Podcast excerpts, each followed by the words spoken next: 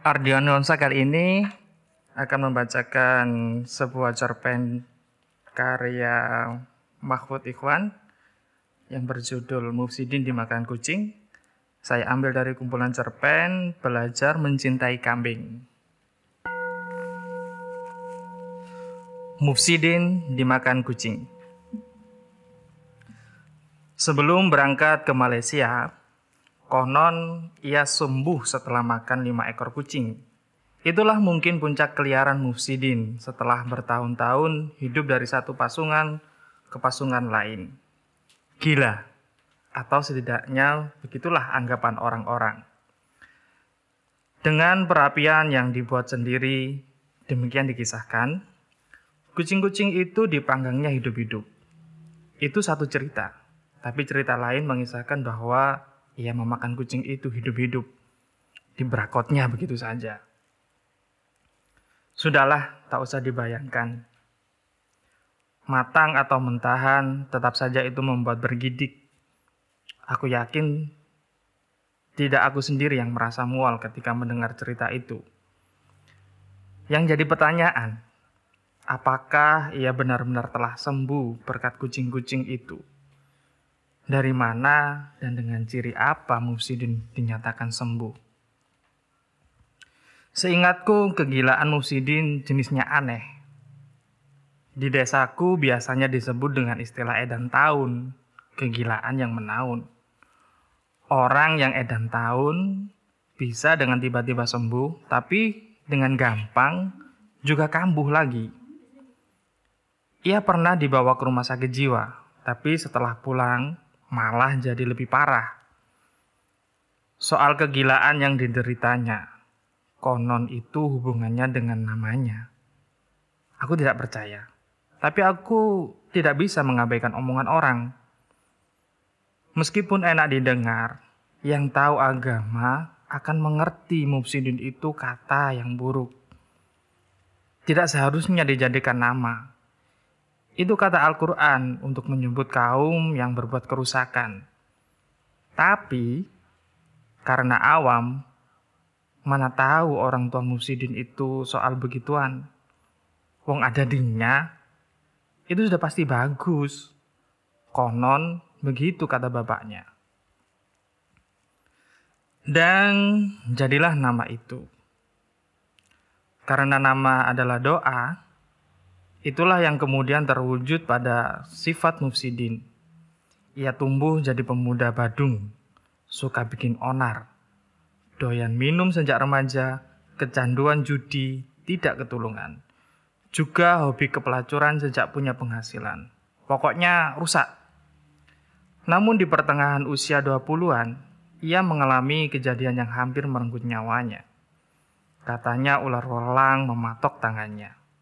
Kalau telah ditangani, ia akan mati atau setidaknya cacat seumur hidup. Atas saran seseorang, aku tak tahu siapa. Ia berobat ke seorang kiai di sebuah pondok yang jauh, yang tak banyak orang mengetahuinya. Aku juga tak tahu itu di mana. Dua tahun nyantri, ia pulang. Bukan saja sembuh, tapi kembali sebagai seorang yang berbeda. Dan namanya juga berbeda. Namaku sekarang Mursyidin, artinya orang-orang yang mendapat bimbingan. Begitu kata Mufsidin. Karena kebiasaan orang-orang masih saja memanggilnya Mufsidin, tapi semua orang mengakui bahwa Mufsidin memang telah berubah tidak saja sembuh dari sifat-sifat buruknya, ia juga jauh lebih alim. Ia sangat mudah ditemui di masjid. Orang-orang ikut bersyukur meskipun tetap saja memanggilnya Mufsidin. Tapi lama-kelamaan orang-orang mendapati bahwa ada yang tidak beres dengannya. Ada yang bilang ia keberatan ilmu, tak kuat menjalankan amalan. Tapi kebanyakan orang lebih sepakat bahwa ia tak kuat menanggung perubahan namanya yang sangat bertentangan. Jika tak benar-benar kenal Mufsidin, sulit untuk menyangkanya gila. Baru melewati tengah usia 30-an, tujuh tahunan lebih muda dariku, ia punya tubuh tegap dan senantiasa berpenampilan bersih, bahkan cenderung terawat. Tak ada penampakan bahwa otaknya miring. Belum lagi soal kedekatannya dengan masjid. Kalau saja ia tak owah, mungkin tak salah jika aku mengatakan dia salah satu orang yang paling alim di antara kami. Perlu kukatakan, dan ini sebenarnya aneh, bahwa kegilaan itu justru tampak pada tingkah mufsidin kalau di masjid. Aku pernah melihat sendiri Sebelum ada jemaah subuh datang, Mufsidin telah mengitari masjid dengan hikmat. Ia mengkomat-kamitkan nama Tuhan dengan lafal yang setahuku hanya dia sendiri yang menguasainya. Lafal itu aneh. Bukan doa-doa yang biasa. Bukan pula wirid yang dikenal. Tidak juga kutipan ayat Al-Quran. Aku tak pernah dengar sebelumnya. Begitu juga orang-orang lain di masjid pula, Mufsidin pernah mendebat khotib Jumat yang dinilainya salah menyampaikan nasihat. Baiklah, tentu saja itu tak cukup untuk membuktikan bahwa Mufsidin gila. Tapi coba dengar yang berikut.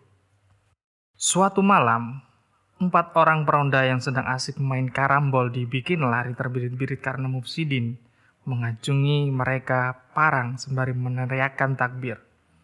Ya, orang-orang bisa memahami.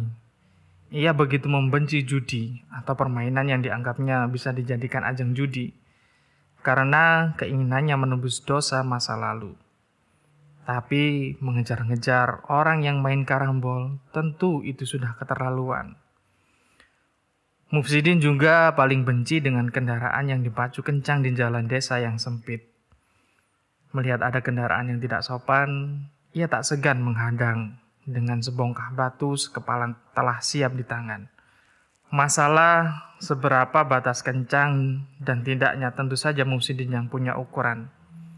Tambah lagi, dia paling tidak suka dengan apa yang disebutnya tindakan syirik.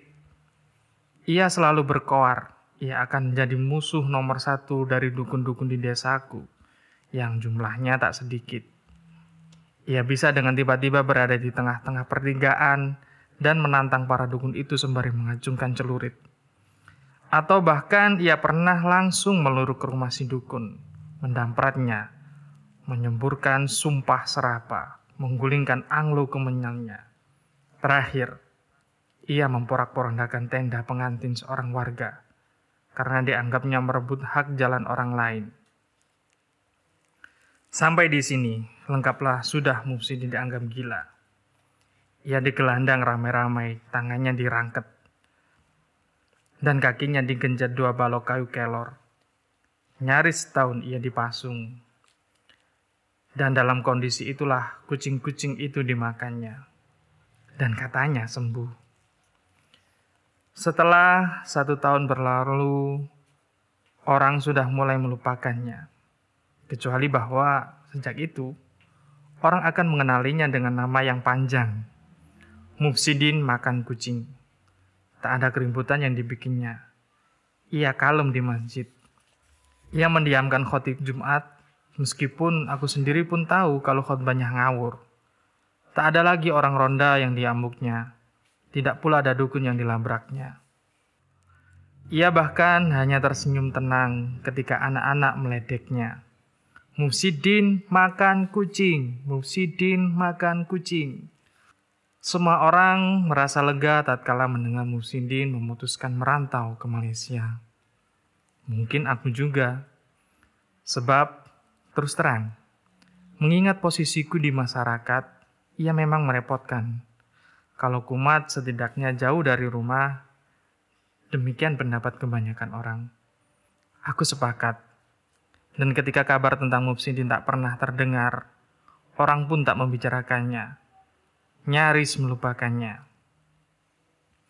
Sampai dengan malam ini, ketika aku kembali mengingatnya, Mufsidin, Mufsidin makan kucing. Waktu Isa baru saja lewat ketika aku dan tiga anakku sedang asik membukai kiriman dari pamannya anak-anak Sementara istriku yang buka layanan jahit masih mencicil mengerjakan pesanan jahitan.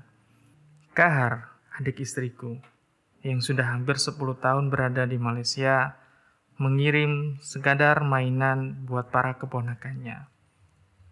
Itu hal rutin, karena keluarga yang di desa cuma kami. Maka cipratan ringgit tak ke mana.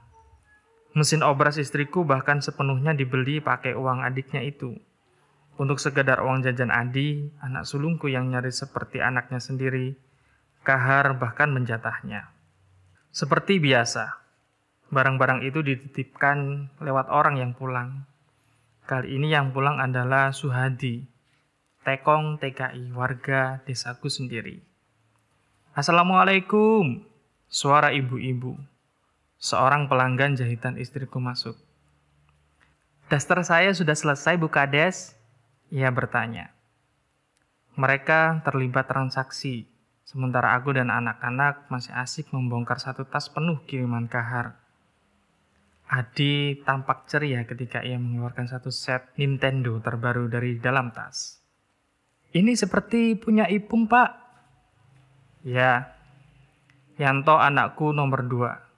Gantian bersorak tatkala menemukan beberapa keping VCD India. Itu kesukaannya. Pak, ini Amir Khan. Ia teriak kegirangan. Tapi playernya kan rusak ya toh?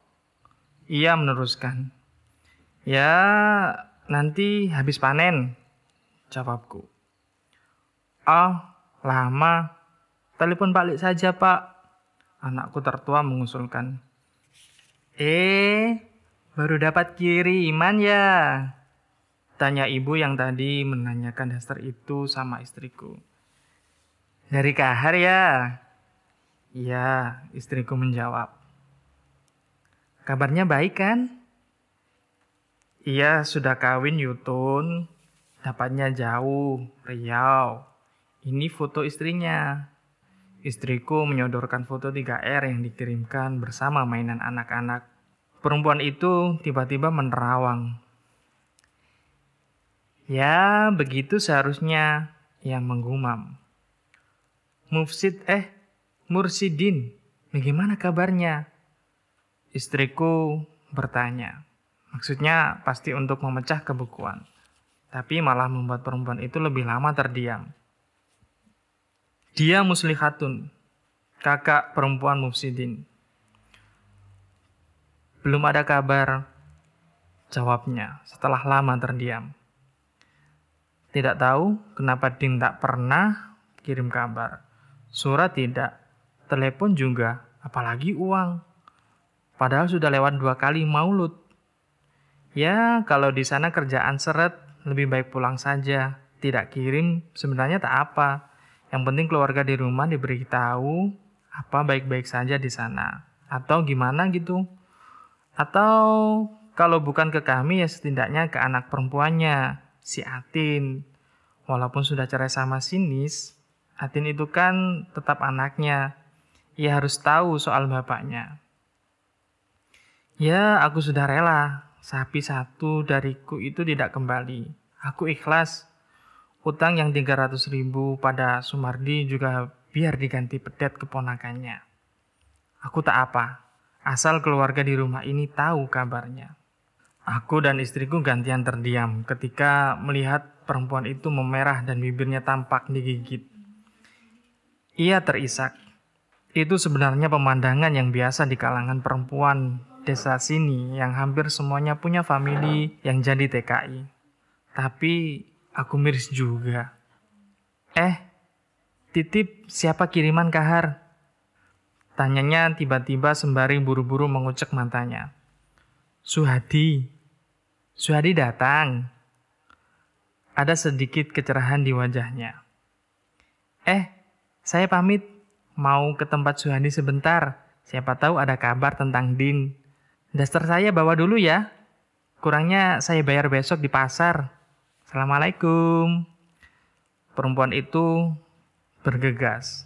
Ia tampak bersemangat. Kami mengepaki kiriman yang baru saja dibongkar.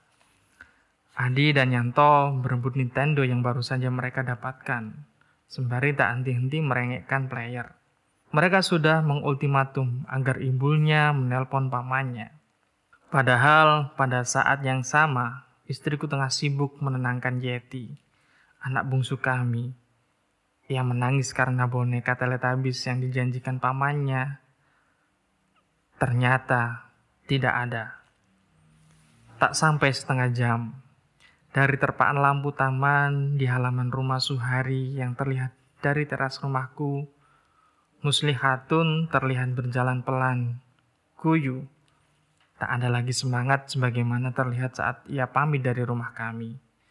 Aku sudah menebak. Aku bahkan sudah tahu. Ia melintas di depan rumah kami. Bagaimana Yutun? Ada kabar soal Din? Aku basa-basi bertanya.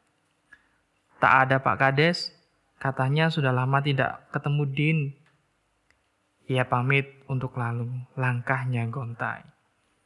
Aku masuk dan ikut membantu membujuk anak perempuanku yang masih saja merajuk. Sampai jauh malam, ia tetap merengek. Ia baru berhenti ketika capek menangis dan tertidur di dalam dekapanku. Saat itulah aku teringat dengan Atin, anak perempuan Mufsidin.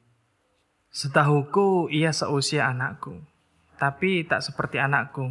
Ia tak akan pernah lagi mendapat pelukan bapaknya. Aku sudah tahu, sudah kukatakan tadi. Suhadi sendiri yang menceritakannya, dan Kahar menguatkannya.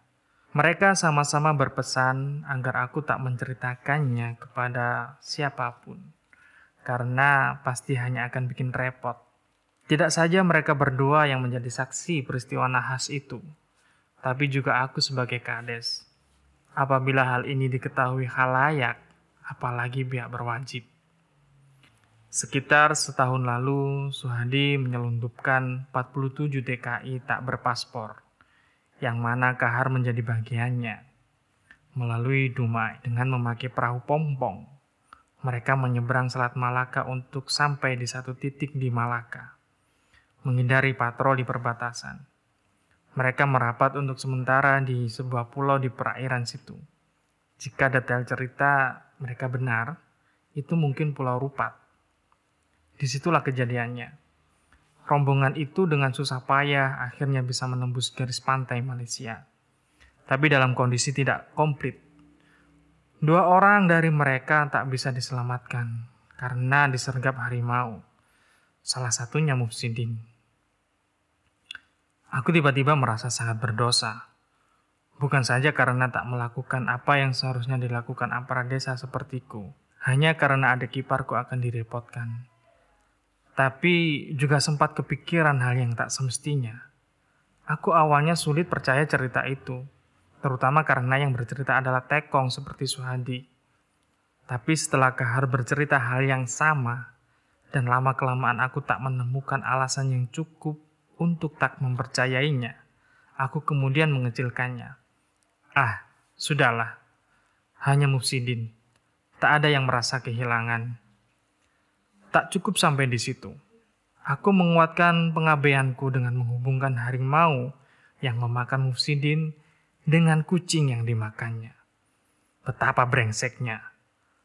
Bagaimana bisa aku berpikir tentang karma untuk Mufsidin tanpa sama sekali kepikiran dengan karmaku sendiri. Aku menegap anak perempuanku erat-erat, menciumi ubun-ubunnya, dan membisikkan kata maaf ke telinganya. Lamongan, Yogyakarta, Januari 2002.